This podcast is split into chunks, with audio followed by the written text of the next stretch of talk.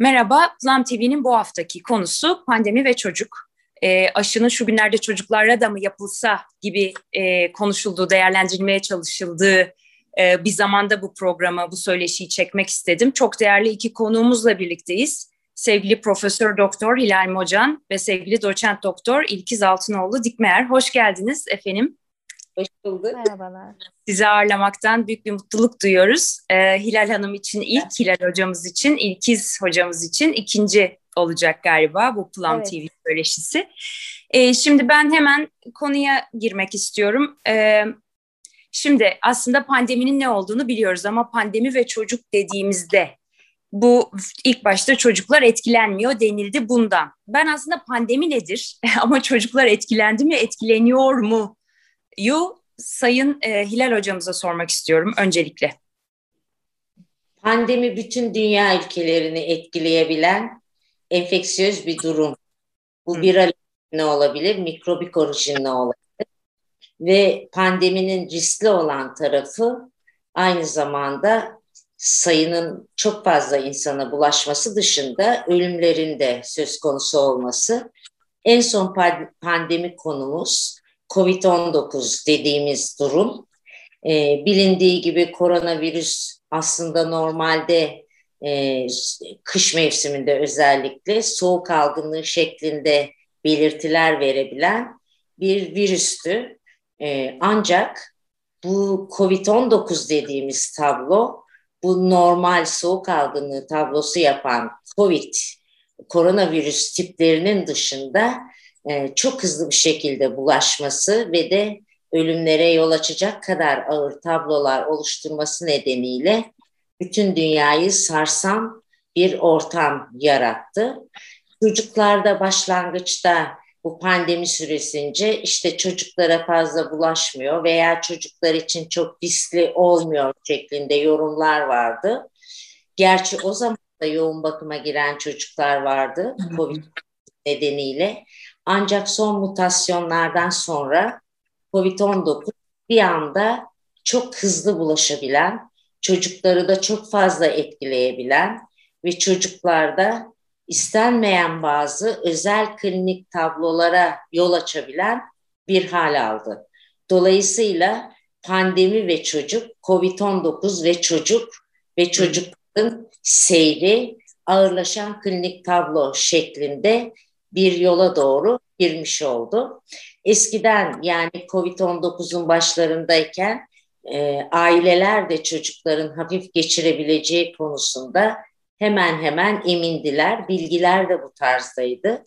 Ancak mutasyonlardan sonra işin rengi değişti. Çocuk yoğun bakımlarında yer kalmadı. Ek servisler açıldı ve bütün dünyada çocuk COVID-19 vakalarında maalesef e, yoğun bakıma girme oranında artış ve de ölümler görülmeye başlandı. Dolayısıyla çocuklara biraz daha önemseyerek yaklaşmak gereği doğdu. Başlangıçtaki belirtiler hani hep klasik olarak COVID-19'da çok yüksek ateş, baş ağrısı, halsizlik, eklem ağrıları, kas ağrıları, bulantılar, kusmalar gibi durumlar varken ki e, bunun dışında döküntüler de el ve ayaklarda soyulmalar da olabiliyordu. Şimdiki tablonun seyrinde çok ilginç görüntüler, çok ilginç belirtiler ortaya çıkmaya başladı. Çok teşekkürler bu giriş ve kıymetli bilgiler için. Şimdi biz izleyicilerimize bilgilendirme yapmak açısından bu programı 19 Mayıs'ta çekiyoruz. Bayramımız da kutlu olsun bu arada. Ve e, Buyurun hocam, Hilal hocam. 19 Mayıs Gençlik ve Spor Bayramı'nı ben de evet. kutlamak istiyorum. Çok önemli bir bayram. Atamızın bize çok. bıraktığı miraslardan, çok önemli, değerli miraslardan birisi sonsuza kadar yaşaması için dua ediyoruz. Evet, ve ben de hani bugünü bu şekilde aslında çalışarak e, ve sizinle bu bilgileri paylaşarak geçiriyor olmaktan da çok mutluyum. Atamız da hep zaten ülkemiz için çalışıyor olmamızı isterdi. Ben bunun da aslında bir vesilesi olduğunu düşünüyorum. En güzel hediyelerin aslında kendi emeğimiz olduğunu düşünüyorum bu ülke için. Ve daha nice seneler boyunca kutlamak istiyorum. Şimdi tarih tabii her açıdan çok önemli bir tarih. Aslında Türkiye açısından da normalleşmeye giriş. Biz 1 Haziran'da aslında iyice açılıyor olacağız. Ee, ancak Hilal Hocam anlattığınız tablodan anladığım kadarıyla e, aslında rahatlayacak değil, birazcık daha tedirginliğin yani dikkatin iyi e, olması gereken bir dönemdeyiz aslında. Çünkü çocuklara sıçrıyor olması çok önemli bir yani çok ciddi bir durum. Çünkü yetişkinler bile bazı konularda yeteri kadar bilinçlenmemişken çocukların hani bu konuda ne yapacaklarını hakikaten çok e, merakla hani bekliyorum ben diyeyim o zaman. Aslında çok güzel bir nokta bu. Benim klinik tecrübelerime göre çocuklar bazen erişkinlerden daha duyarlı, daha dikkatli olabiliyorlar. E, önemli olan nokta tabii baba da çok önemli ama annelerin çocuklarını eğitmesi son derece önemli ki pandemide okullar, kreşler, yuvalar çok uzun süre kapalı kaldı. Evet, evet çocukların bir kısmı gerçekten belirtisiz, hiç hiç belli belirsiz, hiçbir belirtisi olmadan hafif olarak geçirebiliyor. Ama burada şunu unutmamak lazım. Bir çocuk hastalığı geçirdiği zaman kendisinde herhangi bir belirti olmayabilir. Ama bu çocuk taşıyıcıdır. İlk başlangıçta deniyordu ki çocuğun enfeksiyonu dağıtma, yayma, bulaştırma özelliği biraz daha hafiftir ve çocuklar daha hafif geçirirler. Bunun nedeni ne? Bu COVID-19, koronavirüs 19 yapışma yerleri vücutta ACE2 reseptörleri denilen özel bölgeler. Deniyordu ki bu reseptörlerin sayısı çocuklarda daha azdır. Dolayısıyla virüs çocuklarda daha az miktar olarak bulunur ve de e, dolayısıyla klinik daha hafif geçer. Ama mutasyon çok önemli. Mutasyondan sonra artık bu yapışma özelliği yani reseptörlerin daha az olması, yapışacak yerlerin az olması da hiç önemli olmadı. Derhal hücreye yapışma başladı. E, evin içinde çocuk belirtisiz olarak bulunduğu zaman başta annesi ve kardeşleri olmak üzere yakın temasta oluyor. Dolayısıyla çocuk fark etmeden hastalığı geçiriyor ama anne, baba veya diğer aile büyükleri yaş ne kadar büyükse o kadar riskli oluyor. Bunu daha şiddetli belirtilerle geçiriyor. Özellikle 65 yaş üstü dediğimiz grup maalesef hastanelik olabiliyor, yoğun bakıma girebiliyor, aylarca buralarda entübe olarak yaşayabiliyor, tedavisini alabiliyor. Onun için bizim çocuklardaki enfeksiyona bu yönden önem vermemiz lazım. Hani bu nasıl olsa çocukta belirtisiz geçecek veya hafif geçecek diye bir şey yok. Bulaştırma özelliği şiddetlendiği için dikkatimizin daha fazla olması lazım. Ee, ev içi kontak biliyorsunuz şu dönemlerde bulaşmanın en fazla olduğu durumlar. Dolayısıyla evde birisi hani belirtisiz geçirirse aile bunu farkına varmayabilir. Ama farz edelim ki evde aile bireylerinden birisi dışarıda çalışmak zorunda. Online olarak değil, iş yerine giderek çalışmak zorunda. Ve bu şahıs giderken toplu taşıtları taşıma e, o vasıtalarını kullanmak zorunda. Dolayısıyla risk orada başlıyor. Bu şahıs eve girdiği zaman üstünü başını değiştirip bir duş almalı. E, ondan sonra eğer şüpheli bir teması varsa mutlaka evin içinde de maskeyle dolaşmalı. Hatta havalar artık ısındı. Bütün camları açarak evin hava sirkülasyonunun arttırmaya çalışmalı. Dışarıda çalışan olsun, anneler olsun. Bu önemli. Bir de çocukların el yıkamayı öğrenmesi lazım. Başından beri deniyor ki 20 saniye kadar el iyice sabunla yıkanacak. Ee, bunun için antiseptik sabunlar, özel sabunların kullanılması gerekli bile değil. Normal sabunla eller güzelce yıkanacak. Yemekten önce, yemekten sonra, tuvaletten önce, tuvaletten sonra bunlar öğrenilecek. Çocuk bunu öğrenirse ve bu işin önemi çocuğa anlatılırsa okullar başlayıp da yüz yüze eğitim başladığı zaman da çocuk okulda bunu uygulayacaktır. Bazı okullar var hava iyi olduğu için özel okullardan, yuvalardan dışarıda bahçede eğitim yapan veya çocukları oynattıran, oyun oynattıran yerler var. Buralardan soru geliyor mesela ne yapalım bu çocuklar hat hoplayıp zıplıyorlar, kamp ter içinde kalıyorlar, maskeyi tutamıyorlar diye. Açık havadayken çocuk koşup oynarken çok yakın temasa gelmediği müddetçe maskesiz oynayabilir ama sınıfına girdiği zaman, binanın içine girdiği zaman derhal maske takılacak, eller güzelce yıkanacak ve aradaki mesafe eskiden olduğu gibi bir metre, bir buçuk metre değil, iki metre olacak şekilde ayarlanacak. Bu kuralları bu CDC denilen e, Amerikan Bulaşıcı Hastalıklar grubu veriyor ve e, çok güzel yayınlar geliyor. Devamlı olarak ben mesela her gün özellikle akşamları işten döndüğüm zaman en az bir buçuk iki saat bu yeni bilgileri öğrenmek için okuma ihtiyacı duyuyorum. Çünkü e, baş, başlangıçta bu virüsün virüs nedir, yapısı nasıldır, nasıl bulaşıyor, nereye bulaşıyor bunların hiçbirini bilmiyorduk. Tedavi konusunda bile şu anda bile tedavide dört dörtlük tedavi kriterleri yok. Mesela pandeminin başlangı, başlangıcında e, kullanılan ilaçların bir kısmı sonradan kullanılmasın zararlı olabilir diye kullanımdan kaldırıldı. Bir kısmı yeni baştan organize edilip hastalara verildi. Her gün yeni bir bilgi geliyor. Ee, inanılmaz sayıda yurt dışı araştırmalar, iyi dergilerde yayınlanmış makaleler var. Bu makalelerin, bilgilerin paylaşılması da çok önemli. Hepimiz bunlardan yararlanıyoruz. Ama e, herkes biliyor ki kendisi o kadar önemli olmayabilir ama çocuğu çok önemli. İnanılmaz soru geliyor bana. Çocuk okullar açılırsa çocuğu okula göndermeli miyiz diye. Tabii burada çok önemli bir kriter var. Öğretmenlerin bir an önce aşılanması lazım. Yani hani diğer aşılanan grupları, aradan aşılanan grupları onlar da çok iyi oldu bence.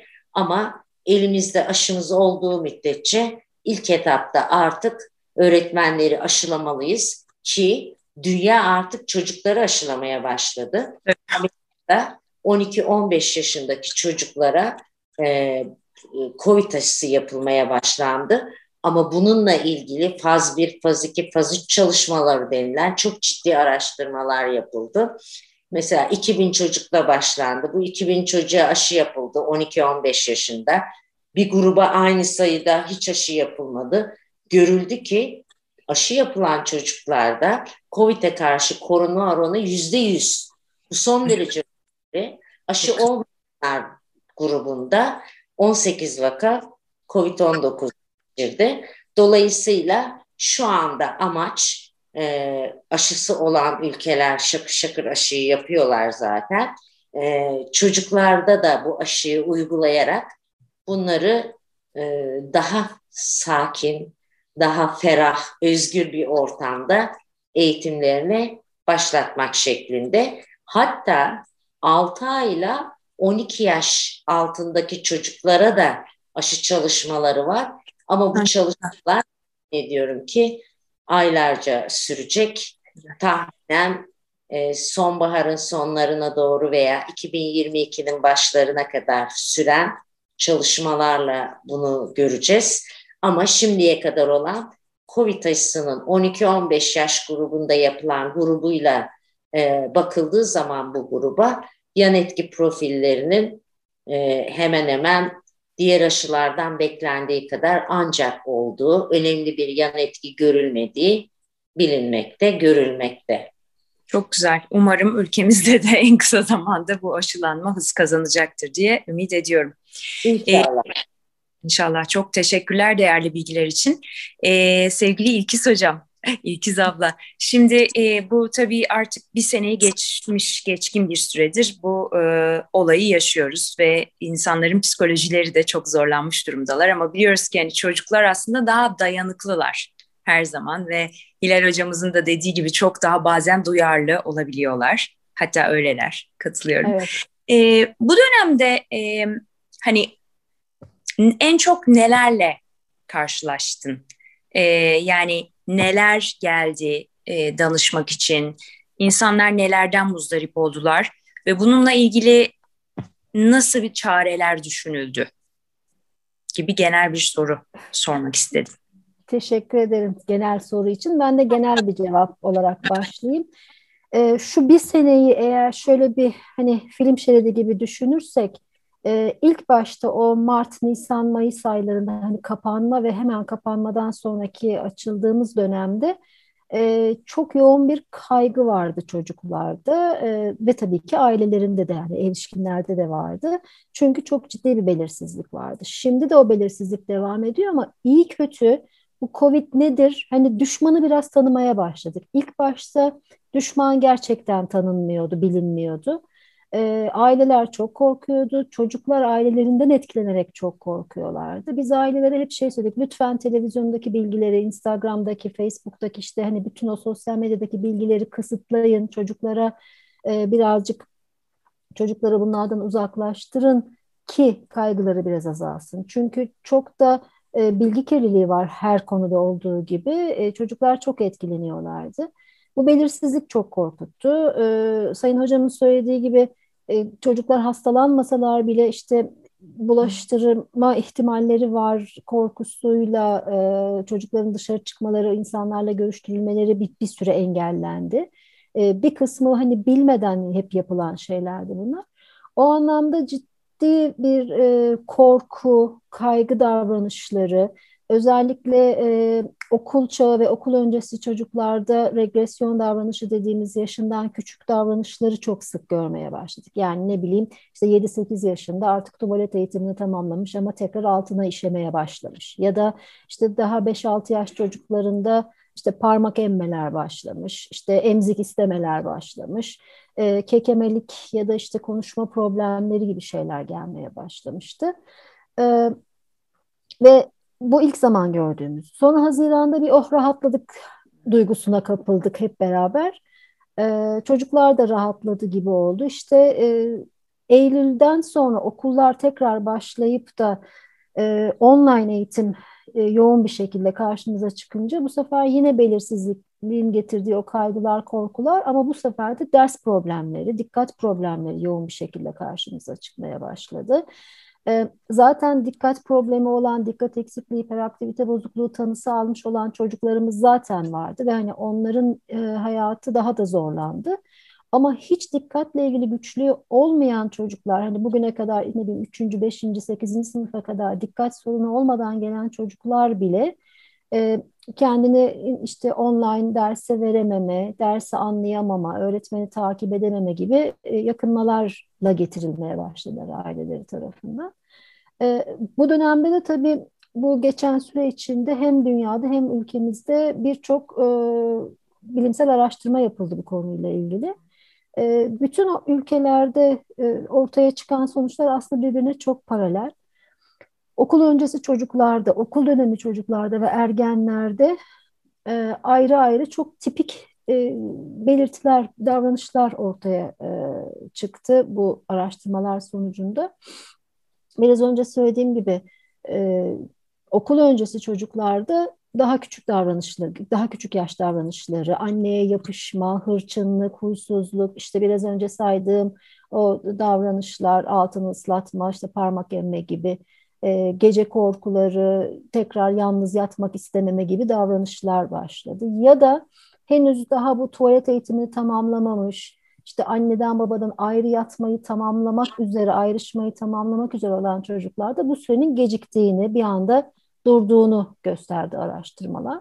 Okul çağı çocuklarında e, dediğim gibi kaygı, korku e, ve bunun yanında çok ciddi dikkat problemleri, uyum problemleri, evin içinde e, sıkılmaya bağlı, işte enerjiyi atamamaya bağlı artık ne derseniz, neye bağlarsanız ev içi problemler, kardeş kavgalarında ciddi artış, anneyle ve babayla özellikle annelerle hani anneler hadi otur çocuğum ders yap diyen kötü polis olduğu için onlarla ciddi e, uyum ve şey çatışmalar e, rapor edildi. Ergenlik döneminde de e, depresyon ve kaygı bozukluklarında artışlar rapor ediliyor. E, tam böyle kimlik e, bulma, kimliğini oturtma döneminde ergenler evlerine kapandılar. Sosyalleşme onlar için çok önemli. Akranların çok önemli olduğu bir yaş grubundan bahsediyoruz. Çünkü 5-6 yaşında, 8 yaşında benim annem dünyanın en güzelidir, babam dünyanın en güçlüsüdür. Biraz yaş büyüyünce ya bizimkiler de biraz geri kafalı hani diye düşündükleri bir dönem. Ergenlik dönemi tam akranın akranların öneminin ortaya çıktığı, anne babaların biraz ikinci planda kaldığı bir yaştır. Ee, ama hani dinleyenler üzülmesin 20'li 25'li yaşlardan sonra ya benim annem de akıllı kadınmış ve bilirmiş. Babam da böyle söylerdi valla iyiymiş diye o tekrar geri dönüş yaşanıyor. Aslında belki hepimiz kendimizden bile bunu örnekleri verebiliriz. Dolayısıyla ergenlerde yoğun bir depresyon, kaygı bozukluğu, uyum problemleri e, ve tabii ki dikkat problemleri yaşanmaya başlandı. Kabaca böyle söyleyebilirim. Çok teşekkür ederim. Aslında çok zor bir dönem e, ve hani şimdi benim gözlemim ve kendimden de bildiğim kadarıyla çocuk e, anne babanın tutumundan, davranışından, hissinden çok etkilenen ve bunu böyle sünger gibi alan çok. bir yapı. E, şimdi gene hani bu konuyu konuşurken gene sanki iş birazcık tabii anne babalara düşüyor tabii ki haliyle.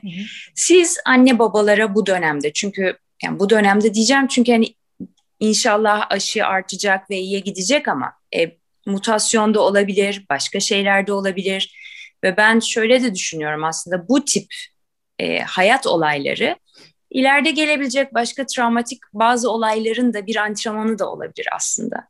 Bu tip kendine göre belirsiz, hayati risklerin, hastalık risklerinin olabildiği, olabileceği durumlarda sizin anne babalara önerileriniz ne doğrultuda oluyor? Yani e, ne yaparlarsa metod olarak bu kişiler birazcık daha ferahlayabilirler ve dolayısıyla da çocukları da birazcık daha rahatlayabilir mesela. Önce sözü Hilal Hoca'ya vereyim. Biraz nefeslen. İlkiz abla sen de. Hocam. İçinde çocuğa kaliteli zaman ayırmayı unutmamak lazım. Çocukla teke tek oyunlar olabilir. Ailenin, ailenin hep birlikte oynayacağı oyunlar olabilir. Hı hı. Bu arada sosyal medya takıntısı çocuklarda çok fazla arttı pandemi sırasında. Saatlerce iPad ve akıllı telefonlarla uğraşıyorlar. E zaten online eğitim olduğu için biraz daha büyük çocuklar saatlerce bilgisayar başında online takip etmek durumundalar. Sınıfta bile takip etmeleri zor olan bir süreçteler. Bu durumda çocuğun zihnini temizlemesi lazım. Çok iyi uyuması lazım. Meyve ve sebzeyi arttırmak lazım. Ve eğer çocuğun vitamin düzeylerine bakılarak tabii ki D vitamini takviyesi bence çok önemli. Bunu düzeye bakmadan ben şahsen verilmesinden yana değilim çocuklarda. Çünkü yan etkileri olabiliyor vitamin D'nin çok yüksek dozlarının. Yemesine dikkat etmek lazım. Günde bir yumurta, iki bardak süt gibi, haftada beş gün kıymalı veya diğer et çeşitlerinden olan yemekler gibi. Bu önemli çünkü kırmızı et de önemli beyin için, e, balık da önemli. Pişirme şekli, kullanılan yağ bunların hepsi çok önemli. Yani sağlıklı beslenme diye toparlayabiliriz. Bunun dışında bir de çocuğun açık havaya çıkarılması lazım çocuğun evinin önünde açık hava, park varsa, yeşillik varsa orada yürüyüş yapmalı çocuklar. Çocuk kendi kendine sokağa çıkıp da şu dönemde özellikle oynayamıyor. Yani kimisinin caddeye bakıyor, doğru dürüst oyun, oyun oynayacak emniyetli yerler yok. Onun dışında etrafta parkların bir kısmı uzaklarda olabilir. İşte buna dikkat edip yürüyüş yaptırmak çocuk açık havanın riski çünkü bulaşma yönünden daha az veya hemen hemen hiç olmayabilir. Eğer e, karşıdan gelen insanlar veya sizin yanınızda yürüyen insanların mesafesi de varsa e, bulaşmayabilir. E, çocuk da tek olarak yürüyüş yapmak, onunla spor yapmak, e, çocuğa kitap okumayı teşvik etmek önemli. dikkati en fazla toplayan şeylerden birisi kitap okumak. Kitap e, hafızayı güçlendirdiği gibi bu COVID-19 sırasında e, çocukların IQ düzeylerinde muhtemelen bir miktar azalmalar tarif edilmekte. Bu süreci e, kitap okuyarak, oyun oynayarak, iyi uyuyarak, iyi beslenerek atlatmak mümkün olabilir. Aile içi ilişkilere dikkat etmek lazım. Çünkü e, günlerce, haftalarca hatta aylarca aynı evin içinde hiç dışarı çıkmadan, hiç ferahlamadan bütün ev halkı aynı ortamda yaşama zorluğu diyeceğim artık. Zorluğu evet. bu devamlı burun buruna yaşamak stresi de arttırabiliyor. Aile içi münakaşalar, kavgalar ortaya çıkabiliyor. İnsanlar birbirinden sıkılmaya da başlayabiliyor. Bunları halletmek için ne gerekiyorsa yapmak lazım. Zaman zaman kafayı dinlemek lazım. Çocuklar için olsun, erişkin için olsun. Çocukla çok didişmemek lazım. Çünkü genelde çocukla didişirseniz genelde çocuk bunu kazanır bu didişmeyi. Çocukla yarışmaya girmemek, didişmeye girmemek, onun onu yarış atı gibi yetiştirmemek lazım. Ve şunu vurgulamak lazım. Covid döneminde de bu böyle, diğer zamanlarda da. Çocuk mutlu olmaya hedeflendirilmeli. Çok başarılı olmaya, her şeyde birinci olmaya, çok hırslı olmaya değil, onun mutluluğa yönlenmesinde yarar görüyorum ben. Hocam ne der bilmiyorum ama e, bu bir çocuğun yetiştirilmesinde çok önemli. Aile içindeki huzur çok önemli. E, çocuğa sevgiyi aktarmak, tabii ki gerektiği zaman disiplinize etmek, gerektiği zaman onu çok hırpalamayan ceza vermek, çocuğun sınırlarını çizmek çok önemliyse de çocuk her zaman sevildiğini hissetmeli, her zaman ona destek olacak annesinin, babasının veya diğer ev halkının, kardeşlerinin, büyüklerinin olduğunu bilmeli, özgüveni güçlendirilmeli, e, kırıcı yaklaşımlardan, şiddetten, çocuğu dövmekten, vurup kırmaktan uzak durmak gerekli. Sinirlendiğiniz zaman burada anne babalara seslenmek istiyorum. Sinirlendiğiniz zaman ortamı terk edin veya çocuğu bir süre için kendi odasına varsa eğer gönderin. İki tarafta sakinleşsin. Ee, çocukla e, çocuğu da üzmeyin, kendinizi de üzüp sıkıntıya sokmayın, strese sokmayın demek istiyorum. Ve sözü hocama bırakıyorum. Ağzınıza sağlık efendim. Ağzınıza sağlık, evet. Aslında her şeyi çok güzel özetlediniz. Benim işim çok kolaylaştı. Hocama katılıyorum deyip geçebilirim burada. Ee, şey konusunda özellikle bu tablet, bilgisayar yani e, elektronik ortamda olma konusunda gerçekten çok büyük bir sıkıntı var. E, bize gelen ailelerden de biliyoruz, çevremizdeki ailelerden de biliyoruz. E, çok fazla çocuklar buna düştüler. Aileler ilk başta bunu çok belki önemseyemediler ya da işte bu boyutlara geleceğini fark etmediler. Tamam oyalansın evde zaten dendi ama zaten kimse işin bu kadar bir yıl süreceğini de beklemiyorduk. Hani kısa gün geçecek diye hep bekleniyordu. Ee, küçük çocuğu olan aileler birçok bilinçli aile hiç mesela 5 yaşına 6 yaşına gelmiş çocuklar hala tabletle telefonla tanıştırmamış olan aileler vardı. Fakat öyle bir duruma gelindi ki e, kreşe eğitimleri bile evde artık online devam ediyor. Dolayısıyla işte o çocuğu bilgisayarın başına, tabletin başına oturtup kreşi, öğretmenini takip ettirmek zorunda kaldılar. E, büyükler zaten hocamın dediği gibi akşama kadar online dersteler. Sonra e, işin e, bu Zoom'un ya da diğer e, programların da kolayını buldular. Öğretmen kendisini görüyor, e, izliyormuş gibi zannediyor ama bizimkiler öbür pencerede oyun oynuyorlar. İşte farklı şeyler yapıyorlar, birbirleriyle yazışıyorlar. Bunları keşfettiler. E, küçük çocuklara şeyi söylemek çok zor. Çocuğun bak tablet senin gözünü bozar. İşte oynama. E bir dakika ama sabah beri ben iki saattir, beş saattir hani süre kavramı olmasa bile öğretmenimle konuşuyordum. Şimdi öğretmenimle konuşurken gözümü bozmuyorsa bu alet e, oyun oynarken mi bozuyor? Kafaları karışıyor çocukların. Ee, küçük çocuk yani büyük çocuklar buna beş beş cevap verebiliyorlar bu şekilde ailelerine ya da hani mantık yürütüp söylüyorlar ama küçük çocukların kafaları karışıyor. Ee, eğer gözüm bozulacaksa, eğer bu bana zararlıysa o zaman derse de girmeyeyim. Yani öğretmeni de takip etmeyeyim gibi. Yani ailelerden hep bu konularda böyle yakınmalar alıyoruz. Bunları çok net ayırt etmek lazım. Ama tabii biz ne kadar net biliyoruz anne babalar olarak. Yani neyi ne kadar söylüyor. Çocuğum sen tabletle oynama zararlı derken ben elimde telefon bütün gün işte sosyal medyaya giriyorsam, oyun oynuyorsam bir anne baba olarak e yani işte o zaman yaptığımla söylediğim birbirini e, tutmuyor gibi oluyor. Evet. O zaman da çocuklara sınır koymada aileler sorun yaşıyorlar. Hocam sınır koymaktan söz etti. Bizim için çok kıymetli, çok önemli bir şey. Yani küçük yaştan itibaren çocuklara sınır koymayı, kurallara uymayı öğretmemiz gerekiyor. Siz hiç kural koymadan 6-7 yaşına kadar getirdiğiniz bir çocuğunuz e, varsa birdenbire okula başladığında bütün kurallara uymasını beklemeniz çok haksızlık. Çocuğa haksızlık en başta yani. Çünkü olabilecek gerçekçi bir şey de değil. Ailede hiç kural görmemiş, birdenbire okula gitmiş. Okulda bir sürü kural var. Ne oluyor? Öğretmen sıkıntıda, çocuk sıkıntıda, sınıfın söz dinlemez, kural tanımaz, işte kendi kafasına göre iş yapar, kötü çocuğu oluyor. Ondan sonra da hadi artık bakalım bu çocuğu düzeltelim noktasında geliniyor. Sınır koymak her zaman çok önemli. Şimdi bu Covid döneminde bizler evde anne babalar olarak da güçlükler çekerken daha da buna dikkat etmemiz lazım. Ama çok önemli, e, onu biz de hep söylüyoruz, didişmeden, inatlaşmadan.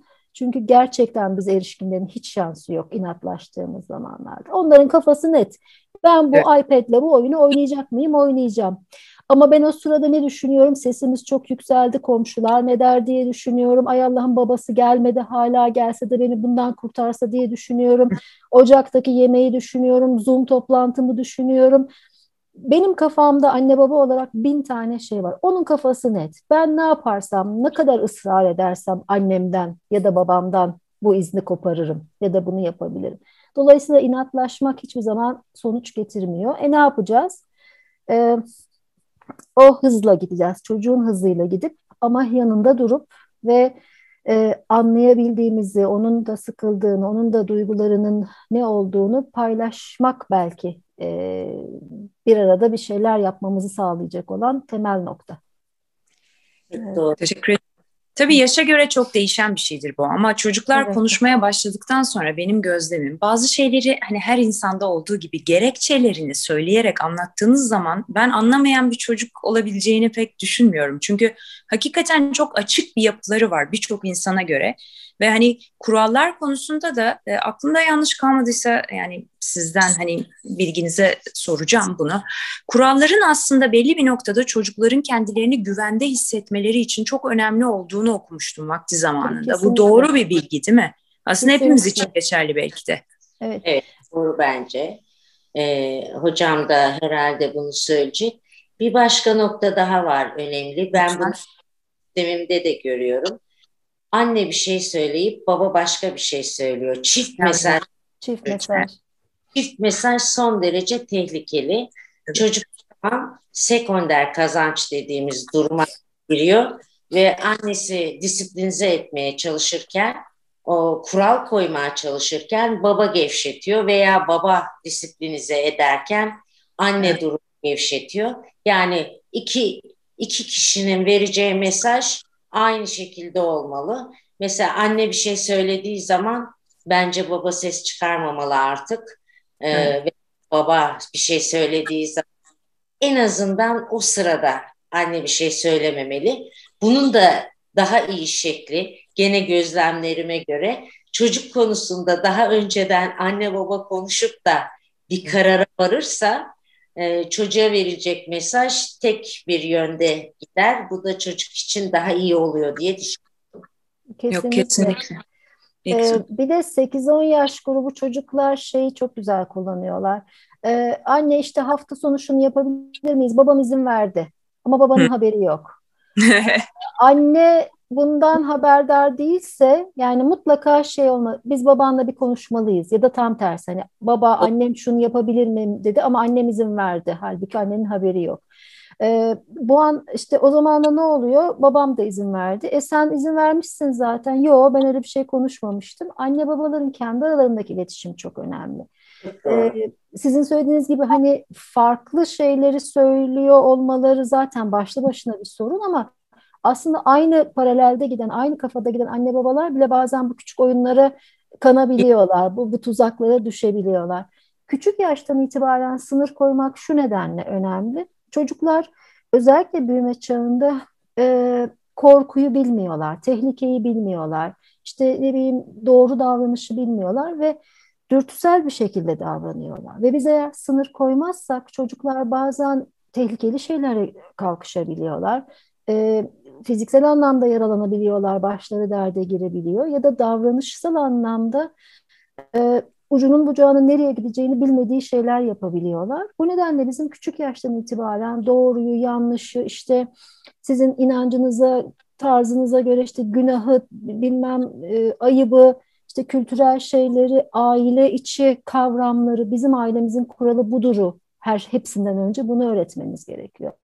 Ee, eğer biz çocuklara küçük yaşta, yani çocuk 2-3 yaştan itibaren yani hatta daha bile erken yaşta 2-3 yaşındaki çocuklara sınır koymazsak kendi sınırlarını kendileri koymaya başlıyorlar ve bu bazen çok tehlikeli olabiliyor. Ucu bucağı açık şeyler olabiliyor. E hiç sınır konmamış bir çocuk 5 yaşında, 6 yaşında, 8 yaşında zapt edilemez hale geliyor.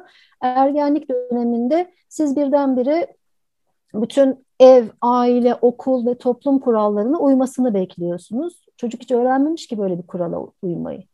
Dolayısıyla bu sefer de hem toplum içinde hem aile içinde hem de akranları arasında uyumsuz kişi olabiliyor. Yani uzun vadede de aslında bu sıkıntılar yaşanabiliyor.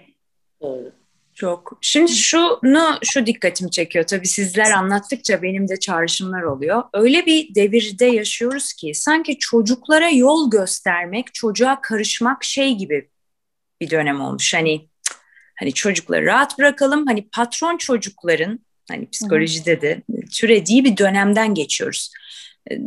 Ebeveynlerin kafasının bazı konularda karışık olmasını anlıyorum. Çünkü değişen de bir sistem ebeveynlik. Ancak çocuklar sonuçta Halil Cibran'ın dediği gibi bize ait değiller ama bizden çıkıyorlar ve bizim onları hakikaten söylediğiniz gibi biraz yönlendirmemiz, bazı şeyleri göstermemiz bence çok kıymetli. Sizinle aynı fikirdeyim. Ee, ancak bu dediğim konuyla ilgili olarak bu çocuklara hiç karışılmaması, çocuklar aralarında halletsinler, çocuklar bilir. Böyle bir anneler babalar ellerini eteklerini çekmişler çocuklardan. Çocuklar sanki öyle hani o ne güzel aslında özgürlükmüş gibi gözüken şeyin ben e, büyük bir yalnızlık olduğunu olabileceğini bile düşünüyorum. Bilmiyorum. Ya, yalnızlık ve sınırsızlık. Heh. Ee, bir tek şunu söylemek istiyorum, şeye katılmıyorum. Çocuklar aralarında halletsinler aslında belki iyi bir şey. Çocuklar aralarında halletmeye izin vermiyor bence artık anne babalar. Her şeye anneler karışıyor. İki Hı. arkadaş arasındaki anlaşmazlığa da anneler babalar karışıyor. Yani şöyle bir geriye düşün, dönün bakın arkadaşımızla kavga ederdik. Arkadaşımızla kavga ettikten sonra barışacak mıyız, küs mü kalacağız, ne yapacaksak kendi çözümümüzü kendimiz bulurduk. Yani ama o da bir hayat deneyimidir. Ama evet. şimdi vay senin çocuğun benim çocuğuma eşek demiş, seninki benimkine salak demiş. O zaman işte ben gelip senin kapını çalıyorsam, sen gelip bana akşam telefon edip WhatsApp'tan işte İlkiz Hanım sizin çocuk da bizim çocuğa şunu yapmış diyorsan işte burada bence biraz fazla o sınırsızlık burada da annelerden babalardan da giriyor. Yani anneler babalar da çocukların sınırlarına girmiş oluyorlar. Bırak arkada sen evde doğruyu öğretebilirsen, insancılığı öğretebilirsen, karşılıklı saygıyı, insan haklarını öğretebiliyorsan çocuğuna bırak o ikisi kendi arasında halledebilsinler sorunlarını, öğrensinler. Tabii ki bizim yine anne baba olarak hani kollarımız etraflarında olmalı elbette ki zarar görmelerini engellemek ve zarar vermelerini engellemek adına. Ama her şeyi biz yani arkadaşınla küslüğünü ben barıştıracağım çocuğumun. İşte ödevini unutmuş öğretmenine ay kusura bakmayın diye ben arayacağım. Onu e sonra nasıl bu çocuk sorumluluk sahibi bir yetişkin olacak? Bunlar Yok önemli. dediklerinle yüzde yüz aynı fikirdeyim İkiz abla. Örneğim uygun bir örnek olmadı. Şöyle demek istedim aslında. Mesela çocuk gelip bazen mesela benim çocuğumdan örnek vereyim. Mesela anne ben böyle bir şey yaşadım diyor. Ve biz onunla onu konuşuyoruz mesela. Şöyle bir metod olabilir, böyle bir metod olabilir. Bunu denedin mi? Sen ne düşündün? Yani biraz gerçekten birlikte sohbet ediyoruz. Onun kendi yolunu bulması için bunu kastediyordum. Yoksa hı hı. kesinlikle aynı fikirdeyim. Hani bana da yapılmış bir şey, korkunç bir şey o yaptığın hı. yani yapılan şey. Fakat çocuklara yol göstermek derken bu konuşmayı kastettim. Hı. Yani çocuğa gidip tamam evladım sen arkadaşınla yaşamışsın git kendin hallet dememeyi. Hı hı. Aslında bize geldiği zaman. Yani bana anne ben böyle bir sıkıntı yaşadım ben ne yapayım dediğimde onunla sohbet etmeyi kastettim ebeveyni olarak. Paylaşım. Bu yanlış bir şey mi acaba? Yani çocuğunla biraz diyalog halinde olmak, onun ilişkilerinden haberdar olmak, ona birazcık hani hayatı anlatmak açısından hikayeler anlatmak. Bilmiyorum bana bu hani belki ben de öyle yetiştirildiğim için ama bu yanlış bir şey mi? Şimdi başlangıçtan beri evet. çocuk daha kendini bilmeye başladığından beri bu tarzda hareket edildiği için sizin sistemde bu böyle güzelce ne gidiyor. Evet. Yani çocuk bir kere alışmış zaten siz önüne düşüp de onu konuşturmadan çocuk gelip sizle paylaşıp yapıyordur. Çok büyük ihtimalle. Çok şükür. Evet. paylaşımı yine ifade etmesi de gelişmiş oluyor çocukların. E, burada hani e, iki taraf, iki arkadaş kavga ettiği zaman e, iki hani şu konuşmalardan iki şeyde bence haklı, farklı şeyleri söylüyor. Hani çocukla paylaşım yapıp çocuğu bir çeşit fark ettirmeden sorgulamak ve çocuğa şöyle olsaydı acaba böyle mi yapmak gerekirdi, şu taraf daha mı iyi olabilirdi gibi onu düşünmeye sevk etmek söz konusu sizin bahsettiğiniz şeyde. Evet. Ama hocamın söylediği şeyde iki çocuk kavga ettiği zaman gerçekten bazen insanlar birbirine silah çekiyorlar, sopalarla birbirlerini dövmeye kalkıyorlar. Bunu basın medyada da görüyoruz devamlı, televizyonlarda gösterip duruyor.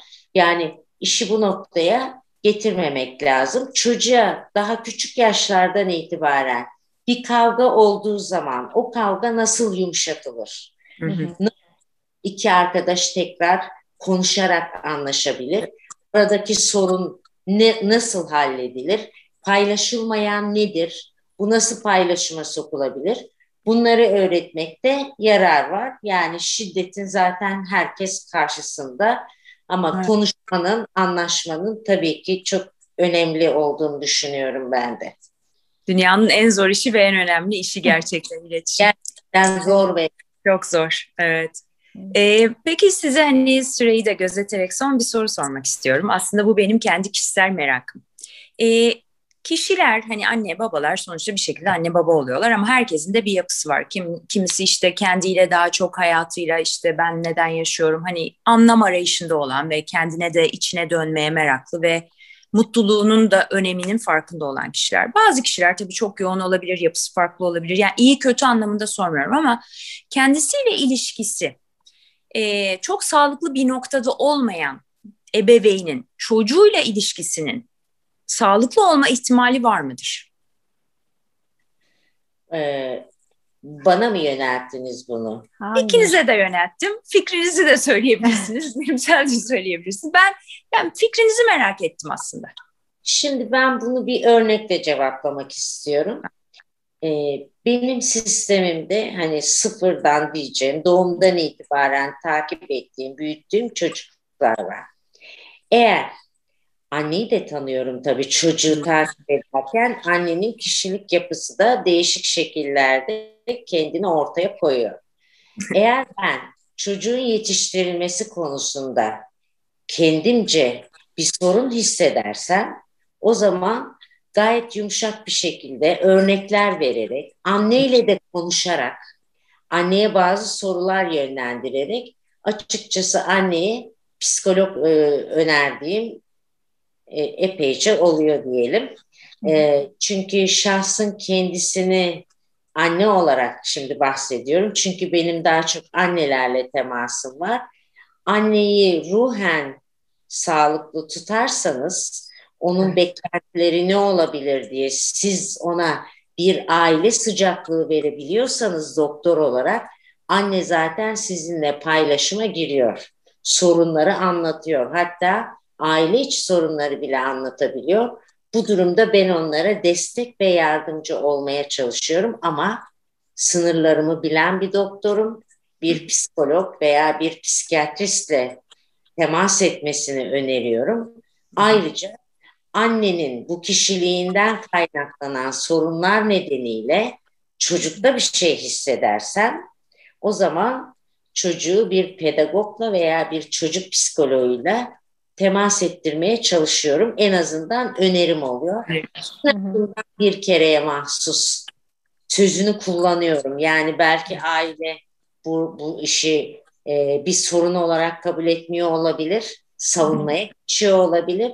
Ama çok iyi olur çocuk açısından şu anda veya gelecekle ilgili sizin de e, içiniz ferahlar, kafanız sakinleşir gibi bir takım mesajlar vererek gereğinde yardımcı e, olmaları için yönlendirmeler yapıyorum ben. Teşekkür ederim hocam, Hilal evet. hocam. E, gerekli gerçekten o yönlendirmeler. Bazen biz de aynı şekilde hani çocukla çalışıyoruz e, ama asıl sorun bir görüyorsunuz ki annede babada annenin depresyonu o kadar ağır ki siz çocuğa ulaşamıyorsunuz ya da annenin bazı kişilik özellikleri o kadar engelleyici ki sizin çocuğa ulaşmanızda sizin çocukla çalışmanızda e, önünüzde böyle bir duvar e, olabiliyor. İşte o zaman aynen hocamın dediği gibi bizler de hani bu sefer erişkin e, psikoloğuna, psikiyatrisine yönlendiriyoruz. E, ya en azından ben çocuk ve ergen çalışıyorum. Hani erişkin görmüyorum.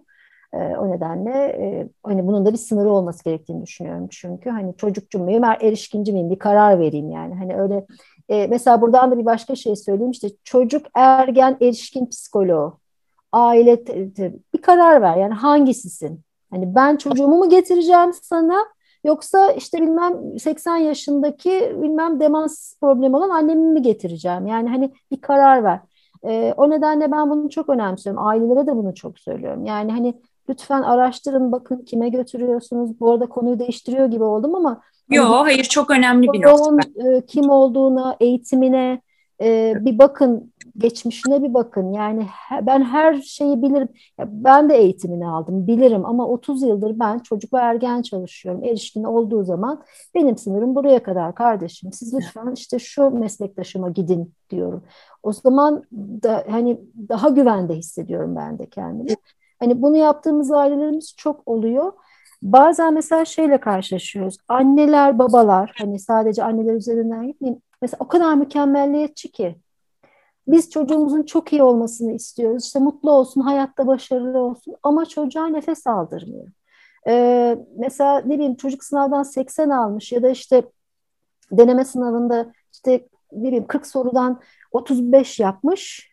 Ee, niye efendim 38 değil diye çocukla bir pazarlık içine giriyor. Ya da e, bugüne kadar 20 net çıkaran bir çocuk bir anda e, gaza gelmiş işte son birkaç ay hadi artık ben hazırlanayım çalışayım demiş. 20'den 10 netler 25'e çıkmış. Biz mesela aferin harikasın bak ne güzel bir haftada 5 tane net arttırdın hadi bakalım haftaya işte 30'a zaman hedefliyoruz diye böyle şey yapmaya çalışırken öğretmenleri işte rehber öğretmenleri ve bizler anneler işte bir haftada o kadar çalıştı, sabaha kadar ders aldı, ekstra ders aldı. Anca 5 not 5 net arttırabilmiş.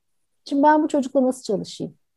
Hani evde ben ne yaparsam yapayım anneme babama yaranamayacağım duygusu yaşıyorsa bu çocuk kendini en güvende hissetmesi gereken evinde her yaptığında başarısızlık ya da yetersizlik hissettiriliyorsa bu çocuk ya da ergen e, ben tek başıma ne yapabilirim bir psikolog olarak ya da bir çocuk ruh sağlığı uzmanı? Bir de kardeş Leri mukayese etmemek lazım değil mi? Çok çok önemli evet evet çok önemli. Yani evet. Şey, tabii, kardeşler ve komşu çocukları ve bilmem kuzenler ve sınıftaki diğer çocuklar. çocuklar tabii. Çok. çok yani çocuk hassas çocuklar zaten hemen çok rahatsız oluyorlar öyle bir şeyden yani hani dile çok dikkat etmek gerekiyor. Ee, çok kıymetli bilgiler paylaştınız. Çok teşekkür ediyorum. Tabii çocuk ve psikolojisi söz konusu olunca sağlığı ve psikolojisi çok derin, zengin, uçsuz bucaksız bir konu. E, ancak zamanı da gözeterek yavaş yavaş e, sonlandıracağım söyleşimizi. E, bu noktada söylemek istediğiniz, eklemek istediğiniz veya bir dileğiniz varsa onu duymak isterim. Bütün çocuklar sağlıklı ve mutlu olsunlar. evet. Artık bu, bu sözün üstüne söylenecek bence bir söz yok. Öyle olsun. Hepsi sağlık ve huzur içinde, barış içinde yaşasınlar. İnşallah. Aynen. İnşallah. Çok çok teşekkür ediyorum her şey için.